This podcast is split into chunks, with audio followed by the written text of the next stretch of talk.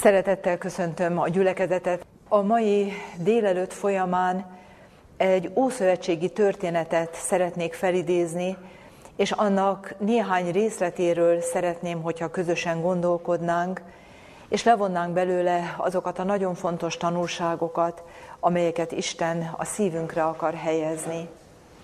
Pálapostól azt írja, hogy ezek az ószövetségi történetek azért irattak meg, hogy mi ebből tanuljunk. Megirattak ezek a mi tanulságunkra, és különösképpen hozzánk is szólnak ezek a történetek, akikhez az idők vége elérkezett. Ez a történet a honfoglalás után játszódik, amikor Józsué vezetésével Izrael népe elfoglalja Kánaán földjét, letelepednek a törzsek, és azt olvassuk az igében, hogy Józsué egész életében a nép az Istennek szolgált. De amikor meghalt Józsué, akkor azt olvassuk az igében, hogy a következő nemzedék már nem ismerte az Urat, elfelejtették az Istent, aki kihozta őket Egyiptom földjéből, és azt olvassuk, hogy elkezdtek bálványimádásba merülni, a környező népek szokását vették át, és azt írja az ige, hogy elhagyták az urat, és szolgáltak a Baálnak és az Astarótnak. Istennek milyen fájdalom lehetett az, hogy kihozza a népét, országot ad nekik, hatalmas néppé váltak, ugye a fogság ideje alatt is, a pusztai vándorlás után sem fogytak el, Noha rengetegen ugye meghaltak közülük, 40 évig vándoroltak a pusztában, de az Úr nem hagyta, hogy elvesztenek, és megfeledkeznek mindenről, amit ő cselekedett velük, és idegen istenek előtt, bálvány istenek előtt hajolnak meg. Mit tesz ilyenkor az Isten? Hadd kérdezem, a mi életünkben is mit tesz Isten sokszor, amikor mi elfordulunk tőle, vagy, vagy más utakon kezdünk járni, az Isten azt mondja, hogy jól van, hát akkor, ha te arra akarsz menni, menjél arra. Igen, enged bennünket, de mit tesz? Nagyon sokszor küld akadályokat a magunk választotta úton. Nehézségeket enged meg a mi életünkben.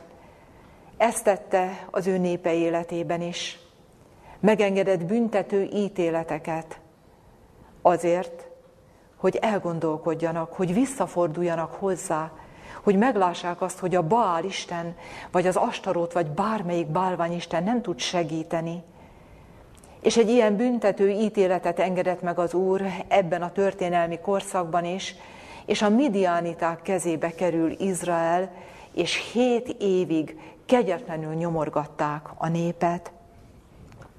Mi történik általában, amikor az Istentől kicsit eltávolodunk?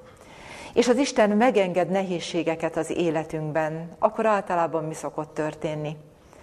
Akkor az ember elgondolkodik, és buzgóban keresi az Istent. Hányszor van az, hogy az Isten csak sokszor nehézségek, nyomorúságok által tud bennünket újból megérinteni, hogy forduljunk hozzá, mert mástól ebben az életben igazi segítséget és megoldást nem találunk. És ugyanezt tette az ő népével is. És a nép ebben a nyomorúságban az Istenhez kiáltott, és az Isten küldött szabadítót. Gedeon személyében küldi az Isten a szabadítót. És nézzük meg a történetet, mint ahogy az elején említettem, hatalmas nagy a történet, minden részletére nem tudunk kitérni, csak egy-egy mozzanatáról szeretném, hogyha elgondolkodnánk. Az Úr megszólítja Gedeont, és a körülmények is nagyon érdekesek, amikor a pajtában csépel, és Bírák könyve 6. fejezetének a 14-től 16-ig terjedő verseiben a következőt olvassuk. Az Úr hozzáfordult, mármint Gedeonhoz, és mondta, menj el ezzel a te erőddel, és megszabadítod Izraelt Midian kezéből. Nem, de én küldelek téged és mondta néki, kérlek, uram, miképpen szabadítsam én meg Izraelt? Imé az én nemzetségem a legszegényebb Manasszéban, és én vagyok a legkisebb atyámnak házában. És mondta néki az úr, én leszek veled, és megvered Midiánt, mint egy embert. Nézzük meg a történetnek ezt a részletét. Az Úr meglátogatja, ugye nyilván Jézus volt ez a valaki, aki, aki megjelenik itt Gedeonnak, és mit mond neki? Menj el ezzel a te erőddel, és megszabadítod Izraelt Midian kezéből. Hadd kérdezzem meg emberileg nézve, egy lehetséges megbizatás ez? Egy sikerrel kecsegtető küzdelmet helyez Gedeon elé az Úr? Emberileg nézve ez teljességgel lehetetlen. És nézzük meg, hogy Gedeon hogy válaszol erre a felszólításra. Azt mondja, hogy Uram, én, hát miképpen szabadíthatnám meg én az én népemet? Mit mond? Én a nemzetségem, a, le, a Manasszai nemzetsége ugye a legszegényebb a nemzetek között, és én vagyok a legkisebb atyámnak házába. Hát én semmi és senki vagyok. Hát hogy gondolod, hogy én ezt meg tudjam tenni? És azt mondja neki az Úr, én leszek veled, és megvered Midiánt, mint egy embert. Két gondolatot szeretnék kiragadni ebből a felolvasott ige szakaszból. Az egyik az, hogy hadd kérdezzem meg, hogy Gedeonban milyen lelkület volt, amikor az Úr megszólította őt. Volt benne egy mélységes alázat, Gedeon nem bízott önmagában, érezte, hogy ő senki és semmi ehhez a feladathoz, amelyel őt az Úr megbízza. Nem lett volna jobb, hogyha Gedeon egyből lelkesen azt mondja, hogy de jó, Uram, hogy engem küldesz, majd akkor én megszabadítom ezt a népet Midiántól. Nem lett volna jobb ez a lelkület? Nem. Ez lett volna a teljességgel elégtelen és rossz lelkület. Miért? Mert Gedeonban ott volt az igazi alázat, tudta, hogy magától nem tudja megoldani ezt a feladatot, és ezért, aki alázatos, az mit tesz? Nem magában, hanem az Istenben bízik. És nem csak egy-egy pillanatban, hanem minden lépésben. És hadd mondjam, az igazi alázatban van a legnagyobb erő. Amikor az ember érzi, hogy magától tehetetlen, és az Istenhez fordul segítségért, akkor milyen erőt fog kapni?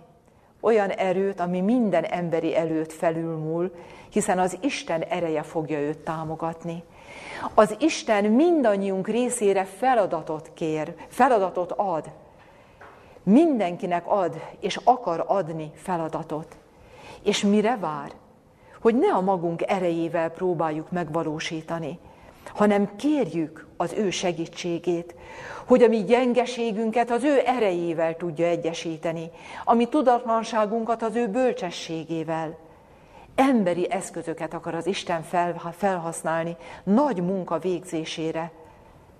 Hogy? Milyen módon? Együtt az Istennel.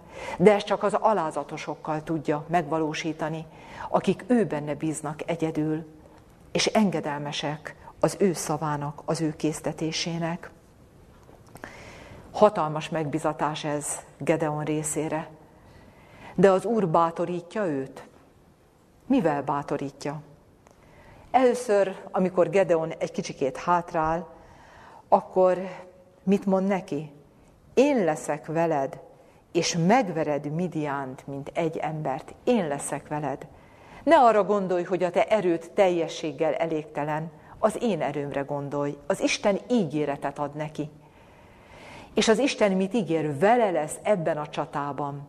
És az a csata, ahol az Isten jelen van, az elveszíthetetlen csata. Az a csata elveszíthetetlen. És Isten ezt ígéri neki. És mindjárt a megszólításnál pedig mit mond? Nem, de én küldelek téged. Én küldelek téged a harcba. Veled leszek, és győztesen fogsz ebből a csatából, ebből a küzdelemből kikerülni. De menjünk is tovább, és nézzük meg a történet folytatását, amikor az Úr így bátorítja Gedeont, elmondja neki, hogy mi a feladat, és ő vele lesz, megígéri, ezek után vajon Gedeon mit csinál?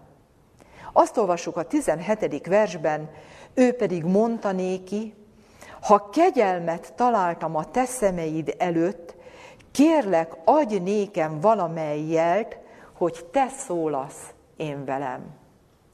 Mit csinál Gedeon? Gedeon jelt kér az Istentől, hogy tényleg te szóltál velem, Uram, tényleg te bíztál meg engem ezzel a feladattal, adjál nekem, kérlek, valami jelet, amely megerősít engem, hogy valóban ez az én utam, nekem ezt kell tennem. Jelet kér Gedeon az Úrtól. Erről szeretnék a ma délelőtt folyamán a legrészletesebben szólni, a történetnek erről a mozzanatáról, és erről az egész kérdéskörről, a jel kérésének a gondolatáról szeretnék szólni. Nézzük meg, az Úrtól Gedeon jelt kér. Az Úr mindjárt válaszol neki, és mi volt az egyik jel? A kihelyezett állat, állat áldozatot az Istentől jövő tűz megemészti, megemészti az áldozatot. Az Isten hatalmas jelét adja annak, hogy igen, ő van Gedeonnal, ő beszél vele, ő küldi őt ebbe a csatába. Nézzük meg, történ, történnek az események, mondom, csak egy-egy részletet emelünk ki, de egy idő után Gedeon újból az Úrhoz fordul, és ugyanebben a fejezetben, a hatodik fejezetben, a 36-tól a 40 terjedő versben a következőt olvassuk. És mondta Gedeon az Istennek, ha csak ugyanaz én kezem által akarod megszabadítani Izraelt, amiképpen mondottad, Imi egy fürt gyapjat teszek a szérűre, és ha csak maga a gyapjú lesz harmatos, míg az egész föld száraz lesz, erről megtudom, hogy valóban az én kezem által szabadítod meg az Izraelt, amint mondottad. És mi történik erre? Gedeon ezt teszi, és azt olvassuk, és úgy történt, úgy lett. Mert mikor másnap reggel felkelt, és megszorította a gyapjat, harmatot facsart ki a gyapjúból egy tele csésze vizet. Hadd kérdezzem meg, ez nem elég bizonyíték? Már kettő jelet adott az Úr. De Gedeon újra megszólal, és mondta Gedeon az Istennek, ne gerjedjen fel a te haragod én ellenem, hogy még egyszer szólok, hadd tegyek kísérletet, kérlek még egyszer egy apjúval, legyen kérlek szárazság csak a gyapjún, és harmat az egész földön. És úgy cselekedett Isten azon az éjszakán, és lőnszárasság csak magán a gyapjún, míg az egész földön harmat volt jelkérés. Gedeon három ízben is kér jelet az Istentől, ezelőtt a mérhetetlenül nagy feladat előtt. Hadd kérdezzem meg, hogy kérhetünk-e mi is jelet az Istentől? Kérhetünk-e jelet? Mikor kérhetünk jelet? Milyen feltételek mellett, mellett kérhetünk az Istentől jelt, vezetést, az életünk bizonyos szakaszában.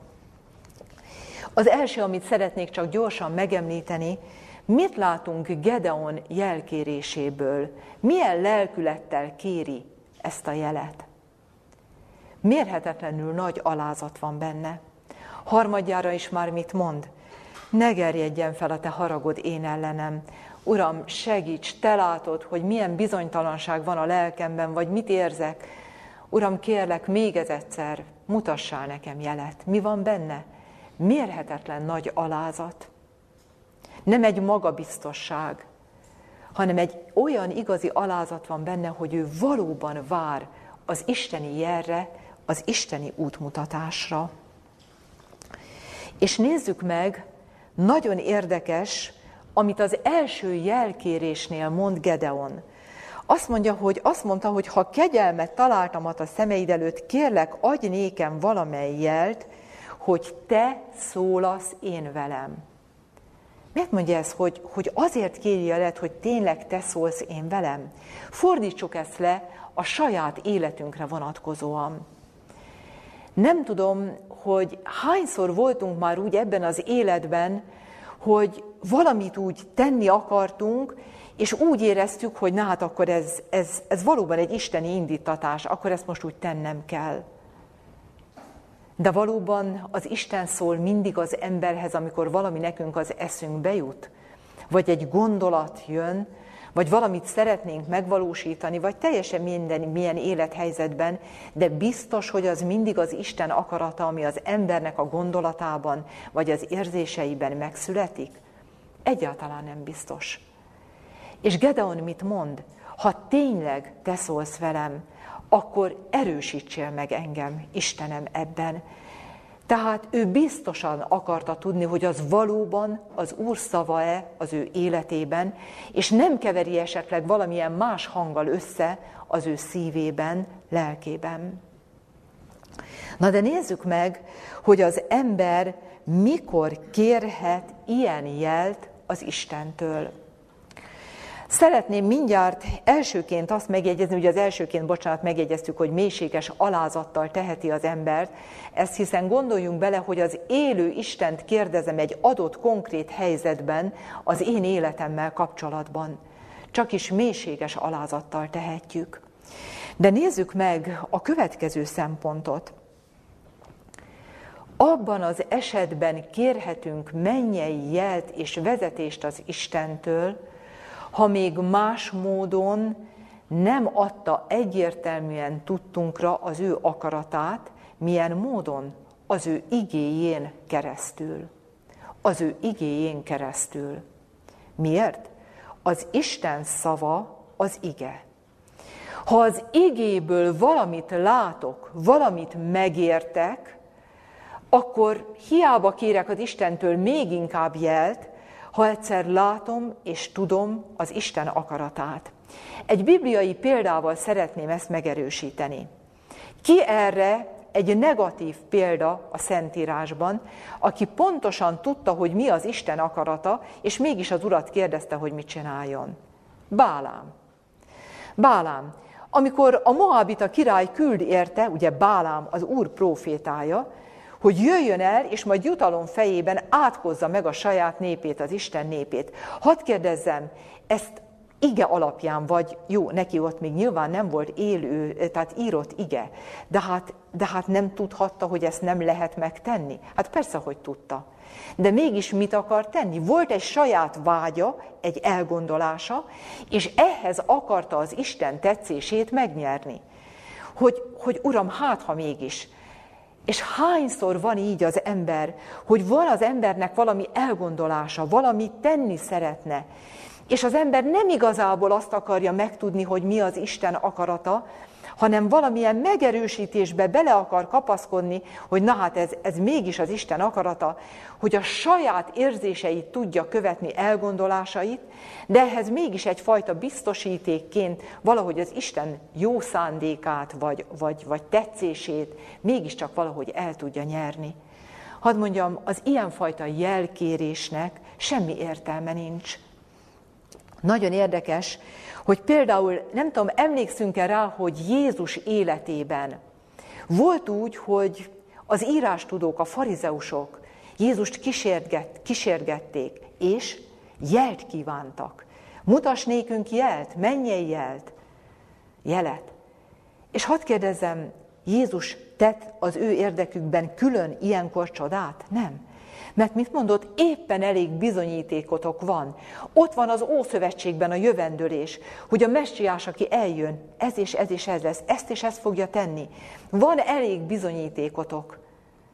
Ha az embernek van elég bizonyítéka az ige alapján, hogy mi a kötelessége, hogy mi az az út, amelyen járni kell, akkor ne azt kérdezz az Istentől, hogy ez tényleg igaz-e, hanem akkor erőt kell kérjünk az Istentől, hogy azon az úton tudjunk járni.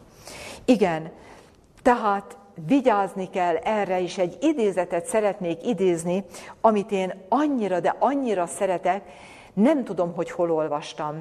Az ember annyi mindent olvas ebben az életben, és volt egy mondat, amit olvastam, és maga a mondat megragad bennem, de azt már nem tudom, hogy hol olvastam, de hatalmas az igazság tartalma.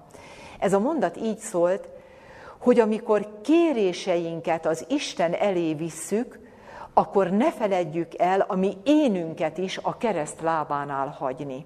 És nagyon tetszett ez a mondat. Mert amikor én valamit szeretnék megtenni, hadd kérdezzem, előfordult már olyan az életben, hogy valamit nagyon szerettünk volna, és imádkoztunk, és hogy fejezzük be az imádságot általában? Hogy ne az én akaratom legyen meg, hanem a te akaratod. De az ember mégis vadul ragaszkodik a saját el. Szánkkal ki tudjuk mondani, de tényleg, tényleg átadjuk-e az Istennek? Igen, tehát hogyha mi letesszük a mi kéréseinket, vagy elmondjuk kéréseinket, az énünket is hagyjuk ott a keresztlábánál, és ne úgy kérjünk, hogy a mi saját akaratunk megerősítését várjuk az Istentől. Hadd mondjam, hogy amikor valaki így, ilyen lelkülettel kért jel, kér jelet az Istentől, mi szokott ilyenkor előfordulni? Hogy az ember mindenbe belekapaszkodik, minden mozzanatban. Ja igen, ez jel az Istentől, ez alátámasztja az én elgondol. Ja igen, hát akkor biztos ezt kell tenni. Miért? Mert az ember nem tudta letenni az ényét, a saját akaratát. És ezért ez a hamis jelkérés ilyen értelemben, amikor magunkat csapjuk be ezzel. Menjünk tovább, és nézzünk meg egy másik szempontot a jelkéréssel kapcsolatban.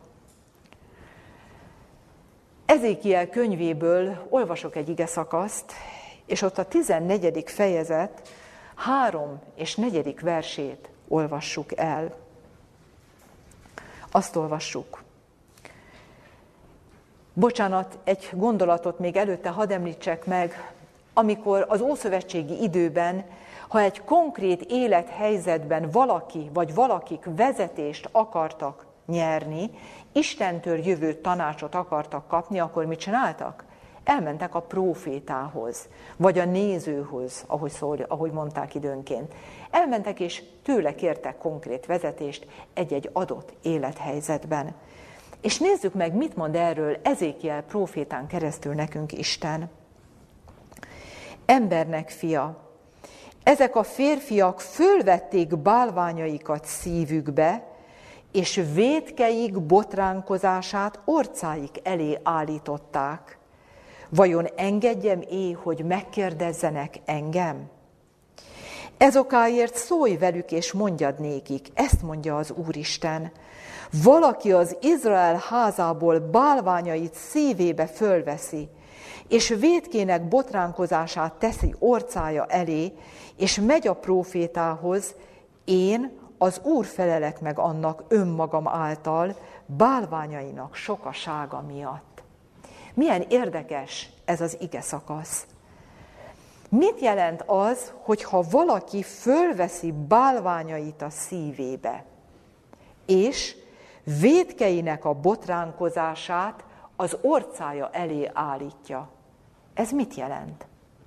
A bálványok sokasága, ugye, tehát egyáltalán a bálványok, ugye azok a bűnök, ugye, azok a bűnök, azok az istenek, idézőjelbe téve, amik előtt meghajolunk. Ugye a rossz szokásaink, bűneink, bármi, ugye, ezek a bűneink. Na hát akkor hadd kérdezzem, ez azt jelenti, hogy ha valakinek bűn van az életében, akkor nem kérhet jelet az Istentől, vezetést?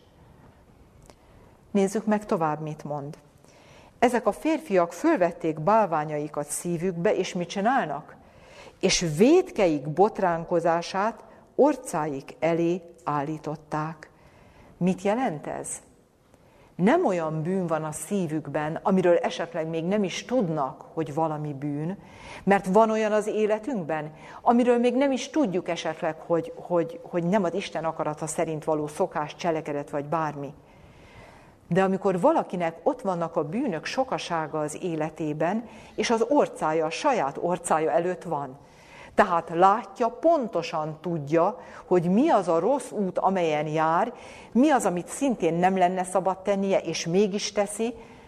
Ilyenből ott van az életében rengeteg, de azért mégis egy adott helyzetben megkérdezi, hogy Istenem, mit tegyek. Miért elfogadhatatlan ez az Isten előtt? Miért mondja az Isten, hogy akkor majd én fogok annak az embernek felelni a bálványainak sokasága miatt? Ugye érezzük, hogy ez nem egy pozitív kijelentés. Miért mondja az Úr?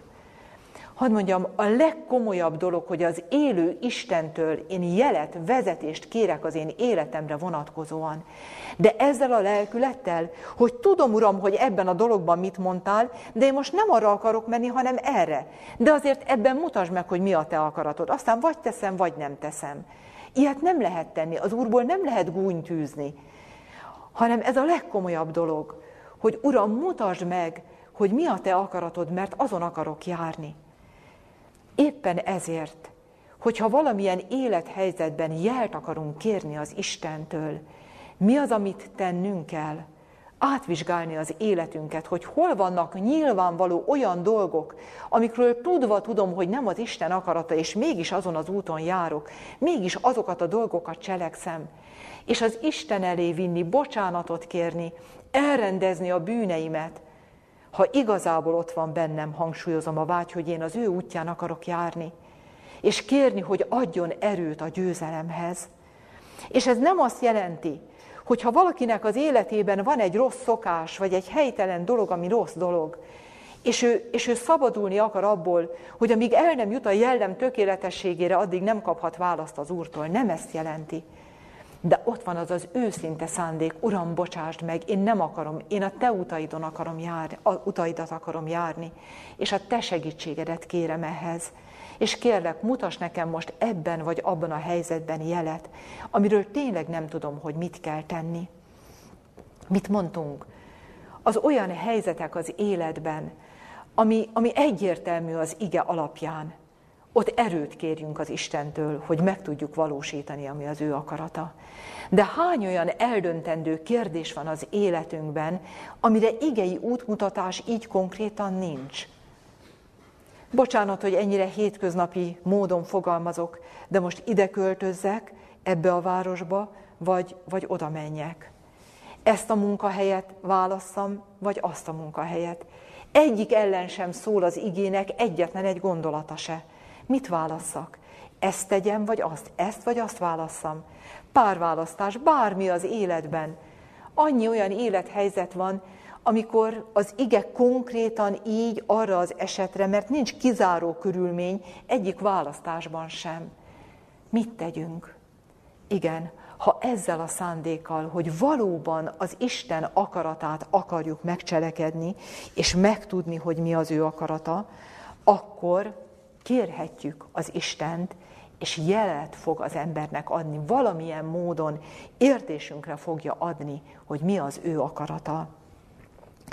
De szeretnék most egy történetet felidézni, egy olyan történetet, amelyet én úgy érzem viszonylag ritkában szoktunk a Szentírásból felidézni és olvasni, annak alátámasztására, hogy vigyázat, az ember mennyire be tudja önmagát csapni.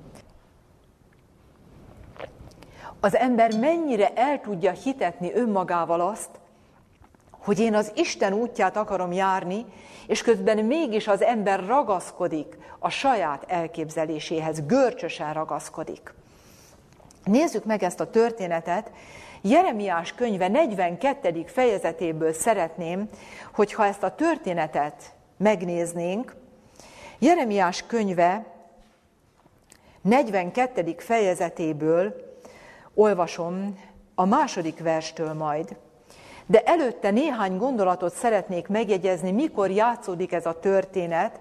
Ez a történet a babiloni fogságra vitel után játszódik, Nabukodonozor három ízben jött el megtámadni Júdát, Jeruzsálemet, három ízben fogolycsapatokat vitt, a harmadik ö, támadáskor elpusztította a templomot, Jeruzsálemet, nagyjából szinte a porig rombolta, alig maradt ott valami. Tehát ebben a helyzetben egy egész kis maradék nép maradt ott Jeruzsálemben, Júdában. A maradék maradéka, nagyon kevesen. Három hadjárat már volt, 20 néhány év alatt, és ez a néhány ember, akik ott maradtak, ezek attól féltek, hogy jön egy negyedik hadjárat, és Nabukodonozor őket is elviszi fogolyként Babilóniába. Ezért megfogalmazódott bennük az az elgondolás, hogy ők visszamennek Egyiptomba. Miért mondom, hogy vissza? Hát ugye évszázadokkal korábban, de az Úr kivezette őket Egyiptomból, és most jött bennük az a gondolat, hogy mennek Egyiptomhoz az erős nemzethez segítséget kérni, védelmet kérni Nabukodonozor ellen. De mit csinálnak? Elmennek a profétához, és mennyei vezetést kérnek nem tőle, hanem hogy a próféta kérdezze meg az urat ő érdekükben, hogy mit cselekedjenek. És így olvasom ennyi háttér után a második verstől a hatodikig. És mondták Jeremiás prófétának, hallgassd meg alázatos kérésünket, és könyörögi érettünk az Úrnak, a te Istenednek minden maradékért, mert kevesen maradtunk meg a sokaságból, mint a te szemeid jól látnak minket. Ugye Jeremiás próféta is ott maradt Judában, Judában, Jeruzsálemben, Elvitték Dánielt fogságba, Ezékiel próféta is fogságba kerül Babilóniába, de Jeremiás ott maradt. És nézzük meg a harmadik versben, ezt olvassuk. Így szólnak Jeremiáshoz, és jelentse meg nekünk az Úr, a te Istened az utat, amelyen járjunk, és a dolgot, amit cselekedjünk. És mondta nékik Jeremiás próféta, meghallottam. Imé én könyörgök az Úrnak, a ti isteneteknek, a ti beszédeitek szerint, és mindazt, amit felel az Úr néktek, megjelentem néktek, el nem titkolok semmit tőletek. Ők pedig mondták Jeremiásnak, az Úr legyen ellenünk tökéletes és igaz tanúbizonyság, ha nem mind ama beszéd cse szerint cselekszünk, amelyel elküld téged mi hozzánk az Úr, a te Istened.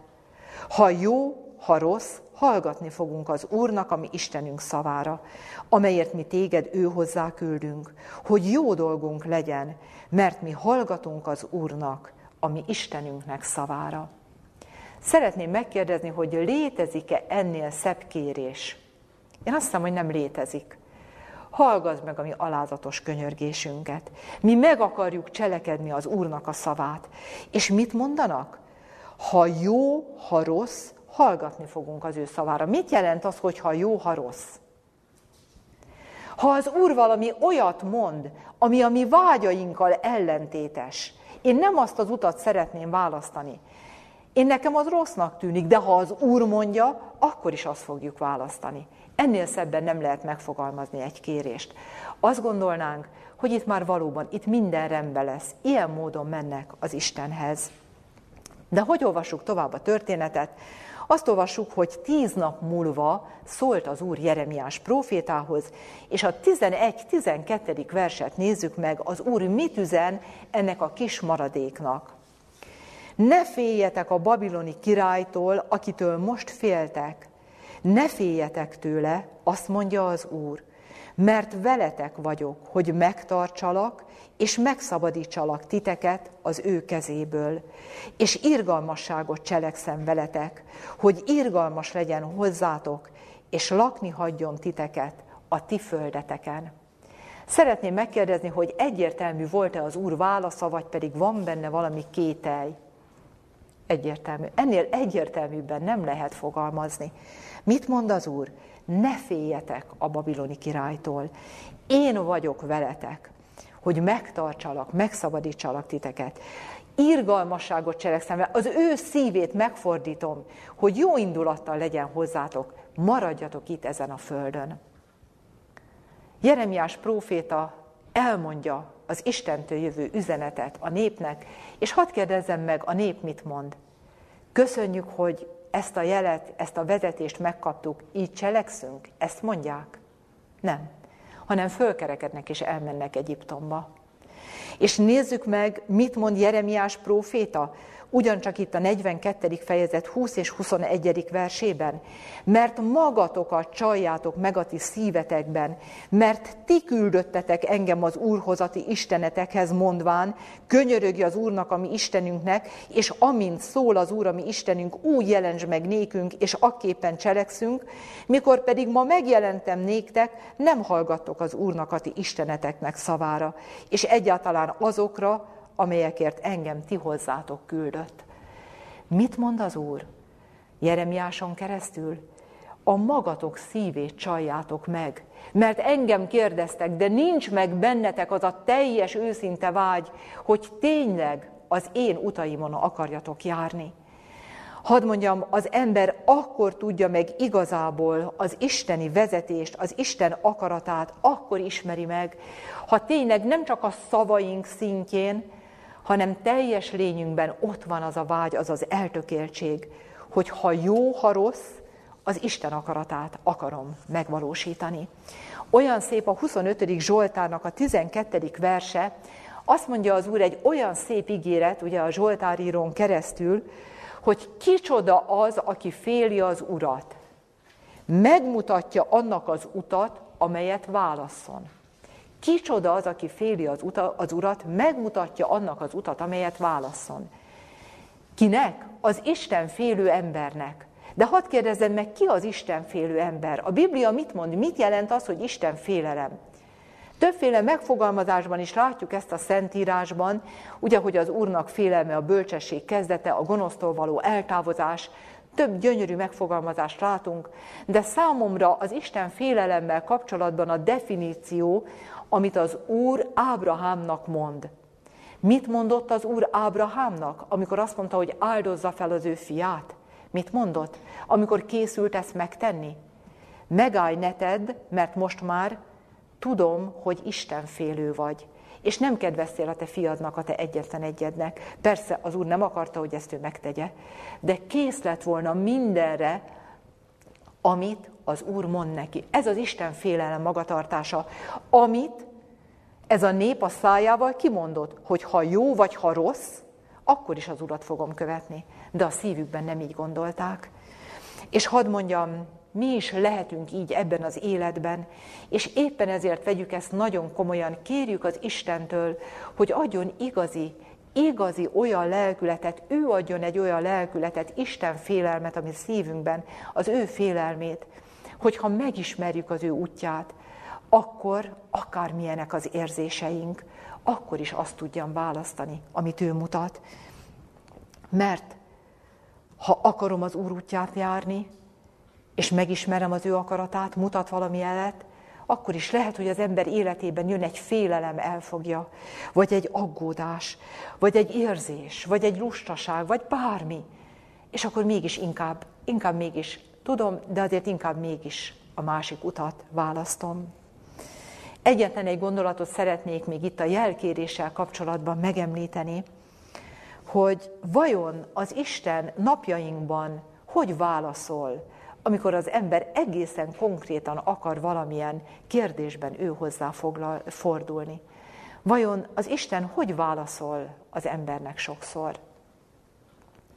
Hadd mondjam, hogy ez, ez nem egy sablon szerint megy, hogy akkor ez fog történni. Az Istennek ezer útja és módja van arra, hogy nekünk konkrétan útbaigazítást adjon vagy megszólít az igéből annyira személyesen, hogy érezzük, hogy igen, ez most nekünk szól. Vagy bezárja azt az ajtót, amin szerettem volna belépni. Másképp alakítja a körülményemet. Vagy egy olyan emberrel beszélek, akiről nem tudom, hogy ti voltatok-e már így, hogy valamilyen dilemmában voltunk, és valakivel beszélgetünk, és az illető nem is tudja, hogy nekem éppen mi a problémám, és egyszer csak valami olyasmit mond ki, amit érzem, hogy na hát ezt, ezt az Úr mondatta ki vele, mert ez most annyira az én, én dilemmámra egy, egy isteni tanács vagy válasz azon az adott emberen keresztül. Rengetegféle módon tud az Isten az emberhez szólni. De egy utolsó kérdést hadd tegyek föl itt a jelkéréssel kapcsolatban. Ha valamiről azt látjuk, még egyszer mondom, ezeknek a feltételeknek megfelelően, ugye amiről idáig szóltunk, és mégis úgy érezzük, hogy, hogy teljesen bizonyosak akarunk lenni az Isten útjában, akkor kérdezzük meg újra az Urat. Uram, én ebből vagy abból azt értettem meg, hogy te nem akarod, hogy ezt vagy ezt tegyem, hanem inkább ezt válasszam. Uram, ha tényleg ez a te akaratod, és nem az én egyéni érzéseimet próbálom belevetíteni valamilyen élethelyzetbe, ha tényleg ez az akaratod, akkor mutasd meg újra, erősítsél meg engem ebben. Tegyük azt, mint amit Gedeon, hogy teljesen biztosak legyünk abban, hogy azt az utat járjuk, amit az Úr mond. Miért? Mert az ember választhatja az ellenkezőjét is. Az Isten nem kényszeríti az emberre de annak az útnak mindig rossz a következménye. Ismerjük azt hiszem azt a híres mondatot, hogy előbb lesz átok, mint áldás az, amit az emberi szív az Isten akarata ellenére megkíván. Lehet, hogy vonzó, lehet, hogy gyönyörűnek tűnik, de előbb lesz átok, mint áldás az, amit az emberi szív az Isten akarata ellenére megkíván.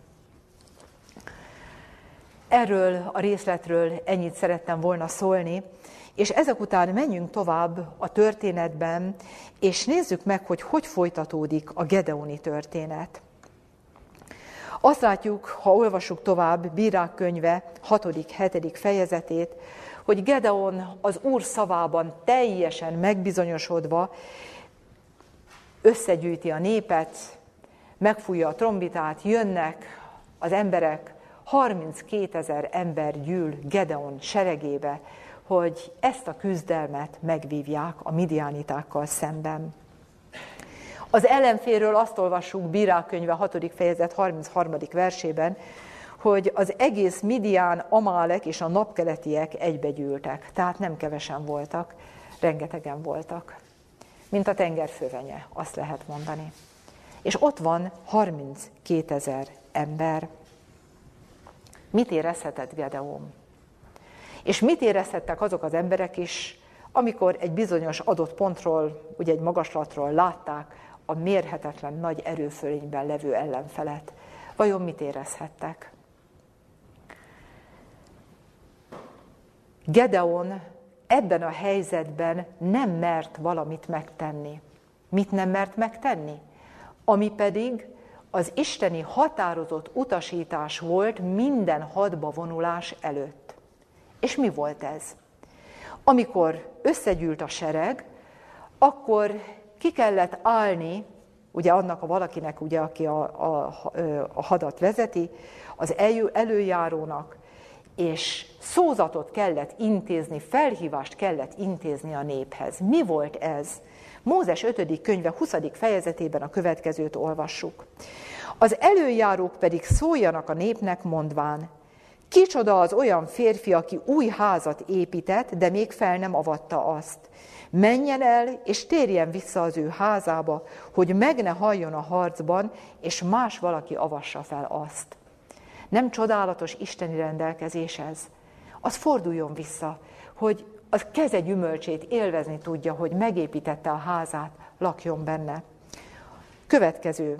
Kicsoda olyan férfi, ezt is ki kellett hirdetni, aki szőlőt ültetett, és nem vette el annak hasznát.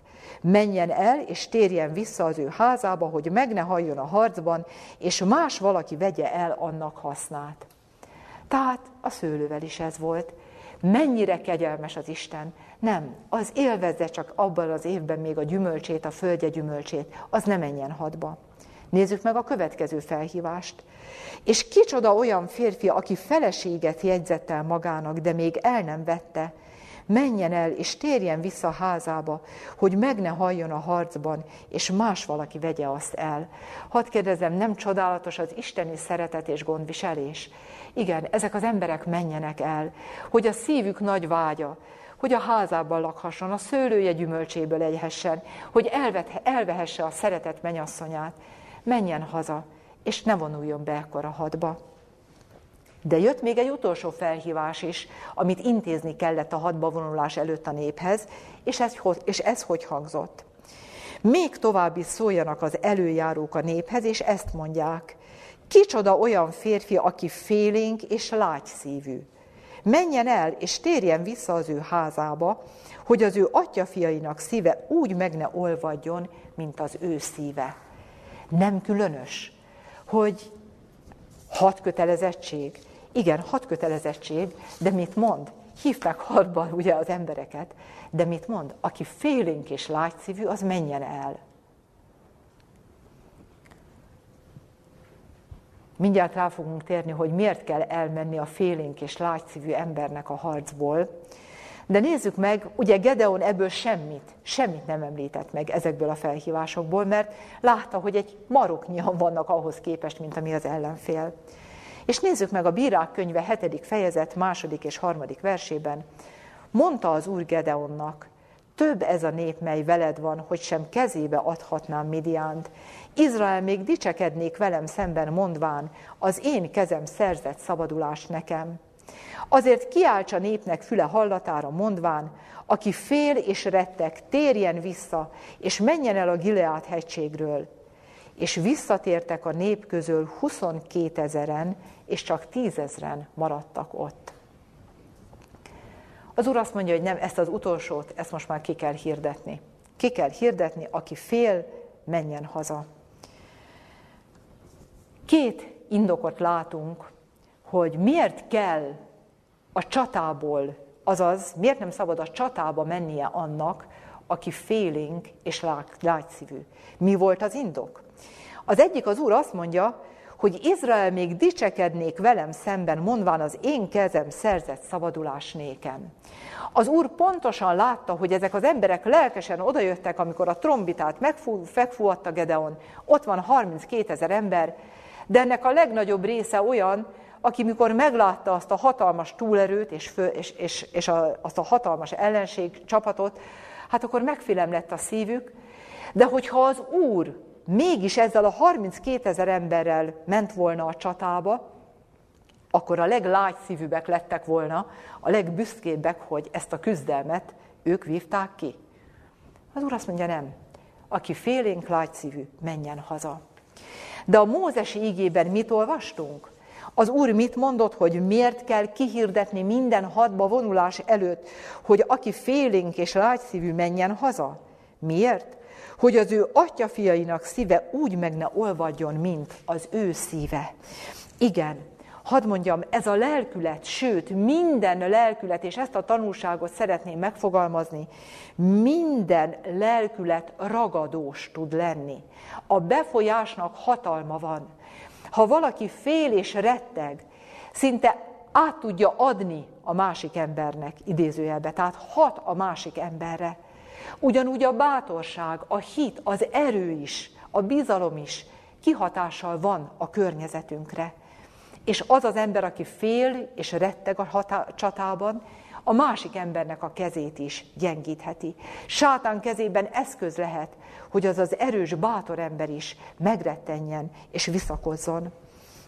Egy idézetet szeretnék olvasni a, a Te igéd igazság című könyvből. Nem akarta Isten, hogy bárki vonakodva induljon a harcba. Ez a kijelentés azt is hangsúlyozza, figyeljük, hogy milyen áldatlan hatása tud lenni annak, akiből hiányzik a hit és bátorság. Továbbá, hogy az ember gondolatai és érzései a cselekedeteire is kihatnak. Igen, kihatnak a gondolataink, érzéseink a cselekedeteinkre. Ezért, aki félénk és lágyszívű volt, haza kellett küldeni a csapatból. Ezek után mit mond az Úr? Ismerjük ugye a történetet. Azt mondja, ez a tízezer ember is sok. Ez is sok.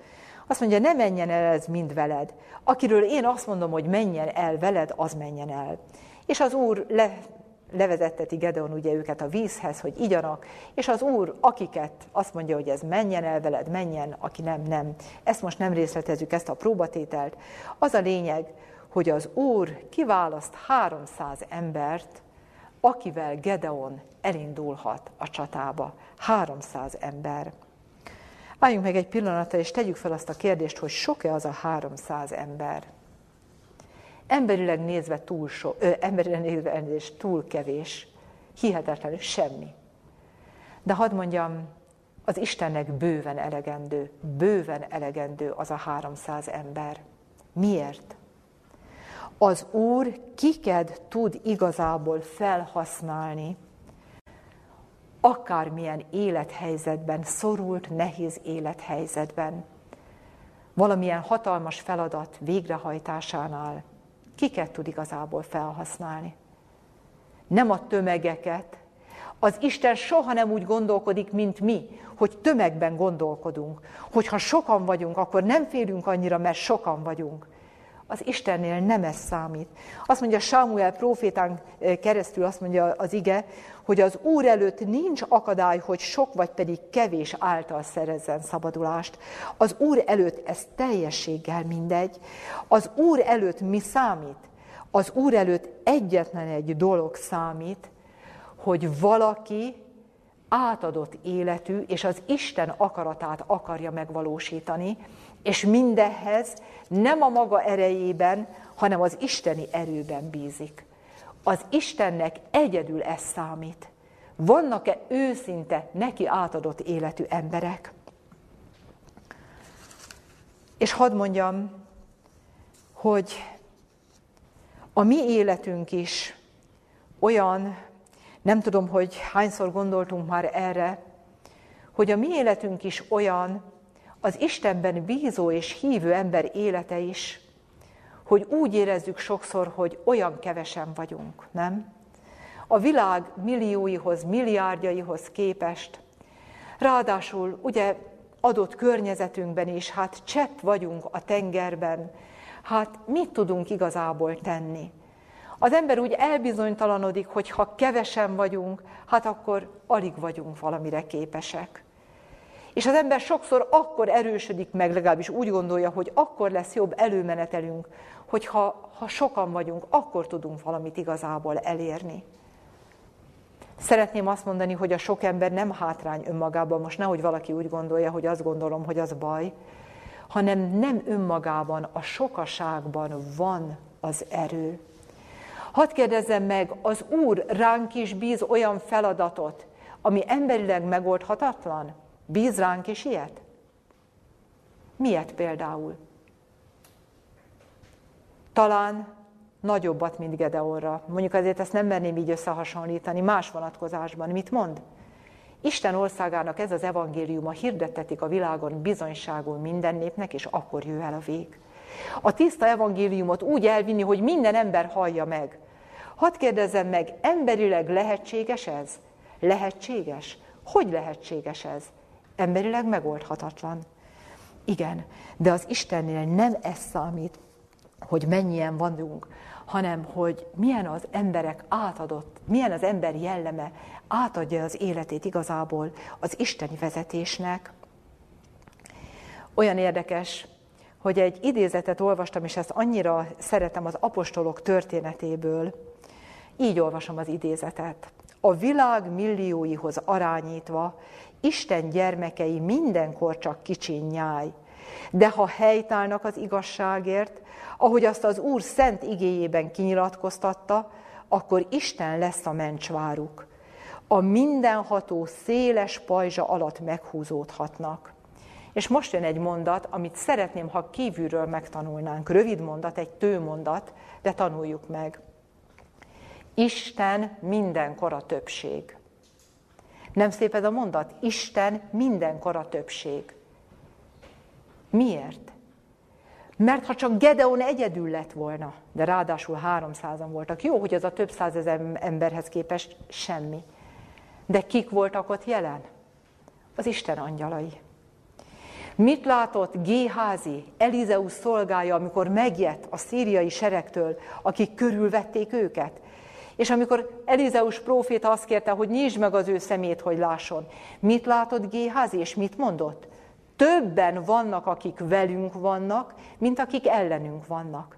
Mert az az ember, aki tényleg az Isten útját akarja járni, tényleg azt akarja cselekedni, amit az Úr mutat neki, a menny összes angyalát is elküldi, csak azért, hogy elneveszítse a csatát, és hogy győztesen tudjon kikerülni. Mert az Istennel nincs vereség. Aki az Isten oldalán áll, az biztos, hogy vereséget ilyen értelemben nem szenvedhet. Lehet, hogy nehéz körülmények lesznek, lehet, hogy nagyon megpróbáló helyzet lesz, de a végső csatát és küzdelmet biztos, hogy nem fogja majd elveszíteni, mert Isten mindenkor a többség. És ha mi igazából így gondolkodunk, akkor ki kell, hogy mondjuk azt, hogy a gyávaság és a bátorság kérdése is egészen más fényben tárul elénk. Miért? Félnénk attól az úttól, félnénk elindulni olyan úttól, amelyen lehet, hogy szinte az egész világ halad, rengetegen haladnak, és biztonságosnak tűnik. Félnénk ettől. De ugyanakkor bátorsággal mennénk azon az úton, amely lehet, hogy ezernyi veszéllyel van tele, és lehet, hogy csak egyedül haladunk rajta, de tudhatjuk biztosan, hogy az Isten útja.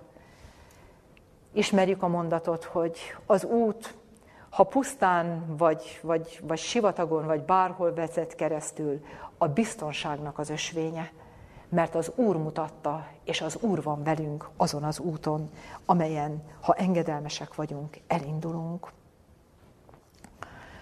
De nézzük meg tovább, egész röviden még, nézzük meg, hogy van még egy olyan kérdés, amit jó, hogyha fölteszünk, és Gedeon történetéből is szeretném még ezt gyorsan kiragadni, hogy Gedeon tudta, hogy milyen lesz a csatának a kimenetele? Hogy minden fordulat majd hogy fog alakulni, amikor az Úr megbízta, és ő elfogadta a megbizatást, tudta? Nem tudta, fogalma nem volt. Az Úr a megfelelő időben adta tudtára, hogy mit kell cselekedni. Hadd mondjam, nem vagyunk mi is így nagyon sokszor?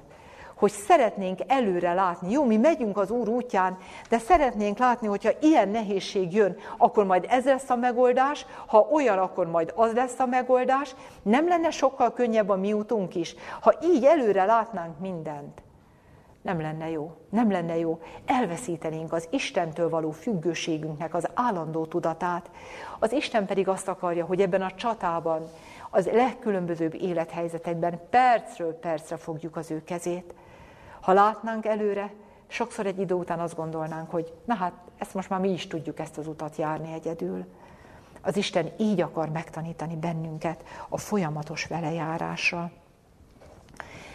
Ennyi megbizonyosodás után vajon Gedeonban volt-e egy kis félelem, vagy egy kis rossz érzés, vagy egy kis bizonytalanság, vagy egy kis olyan hát olyan érzés, amit el tudunk képzelni, hogy egy csatába menetel előtt mi lehet benne, vajon volt vagy nem volt? Volt. És nézzük meg, hogy mit olvasunk. Azt olvassuk Bírák könyve 7. fejezetében, amikor már azzal a 300 emberrel ott van, hogy elindulnak majd másnap a csatában, azt mondja neki az Úr azon az éjszakán, a 9-től 15-ig terjedő vers, kelj fel, menj alá a táborba, mert kezedbe adtam őket.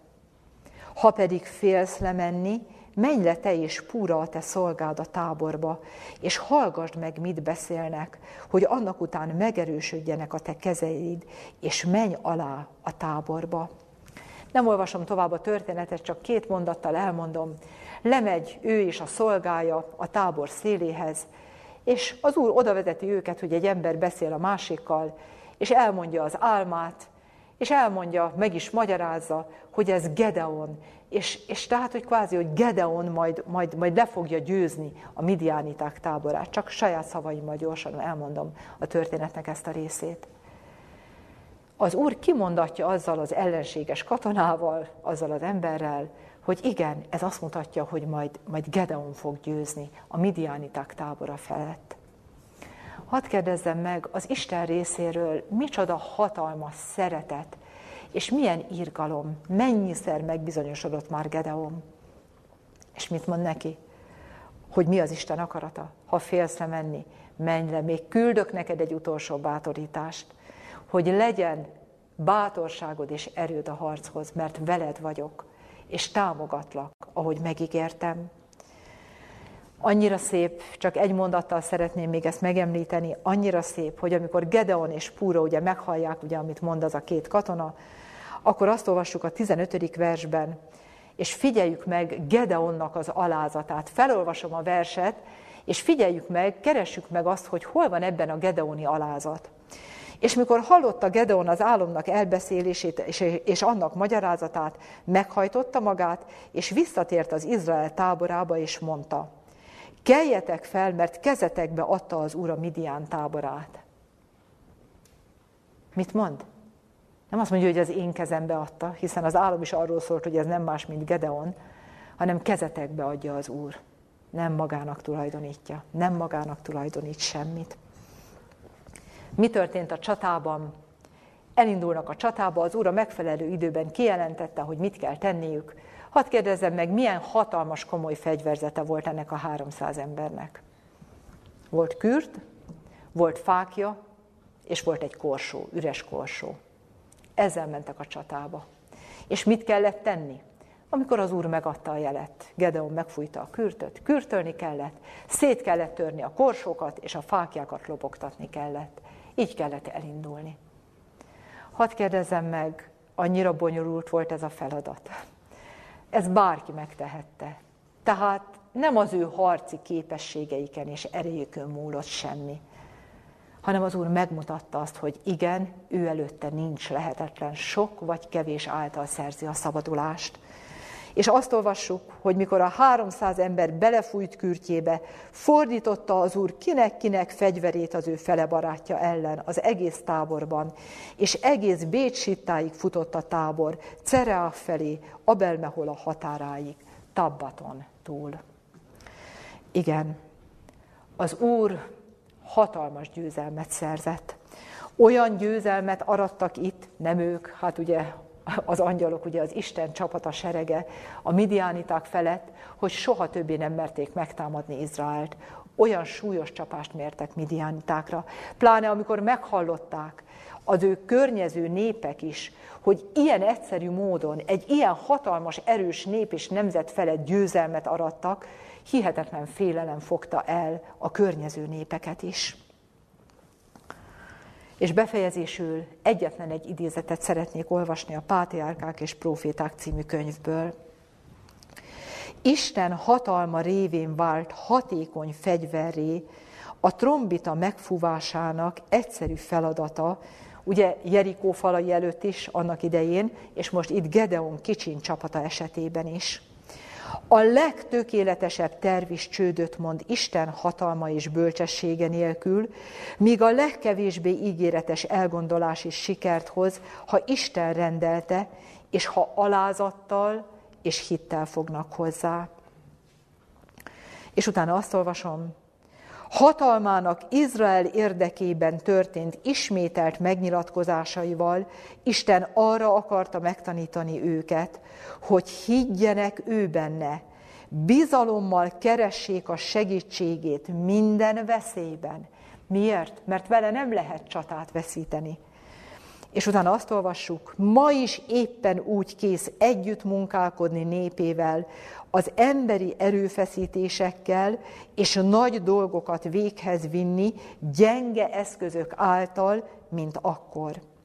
És az utolsó mondat így hangzik, az egész menny arra vár, hogy igényeljük Isten bölcsességét és hatalmát. Az egész menny erre vár. Hogy nem magunkban, hanem benne bízunk, de teljesen megbízunk benne. És legyen a szívünkben az az eltökéltség, hogy bármit mutat az Úr, arra szeretnék menni, mert az az egyedül igaz és örök életre vezető út. És szívem mélyéből kívánom, hogy mi így forduljunk az Istenhez minden élethelyzetben, ahogy Gedeon fordult. Ezzel az alázattal, ezzel a hittel és bizalommal. És én szívem mélyéből kívánom, hogy a mi életünk csatái, küzdelmei, amelyeket meg kell harcolnunk, mindegyik győzelemmel tudjon, lelki győzelemmel tudjon végződni. Amen. Imádkozzunk. Mennyei atyánk, kegyelmes Istenünk, szívünk mélyéből szeretnénk köszönetet és hálát mondani neked az Ószövetségben található történetekért. Köszönjük, Urunk, a Te igédet, köszönjük, hogy ezekben a történetekben te hatalmas bátorítást, erőt és olyan hitet akarsz bemutatni nekünk, ami a miénk is lehet, hogyha mi valóban úgy fordulunk hozzád teljes alázattal, élő hittel, ahogy Gedeon is tette ezt. De Urunk, Te látod a mi érzéseinket, a mi félelmeinket, Te tudod, hogy milyen küzdelmek és harcok várnak mi reánk. Urunk, mi Jeremiás prófétával együtt könyörgünk hozzád, hogy közeledj hozzánk, amikor segítségül hívunk téged, és mondd nekünk azt, hogy ne félj. Urunk, mi a te bíztatásodra, bátorításodra várunk, de kérünk, adjad nekünk, Urunk, azt a lelkületet, hogy tényleg a Te utaidon akarjunk járni. Urunk, szabadítsál meg bennünket a saját elgondolásainktól, a saját, saját véleményünktől, a saját útjainktól, Urunk, adjad, hogy egyetlen egy legyen a mi szívünk vágya, hogy megismerni és követni a Te akaratodat. És köszönjük, hogy Te ígéretet teszel arra, hogy akkor megmutatod nekünk az utat, melyiket válasszuk. Köszönjük neked, Istenünk, hogy Te annyiszor a mi életünkben is elküldted már a Te erős angyalaidat szabadításul. Urunk, adjad, hogy az előttünk álló időben is ez legyen a mi reményünk, ez legyen a mi hitünk, hogy bármilyen élethelyzetben, bármilyen feladatban, amelyel megbízol bennünket, győztesek lehetünk, ha mi teljesen alárendeljük magunkat a Te akaratodnak, és Te veled a Te szent lelked által élő kapcsolatban vagyunk. Urunk, így segítsél meg bennünket a mi életharcunkban, Jézus Krisztusért. Amen.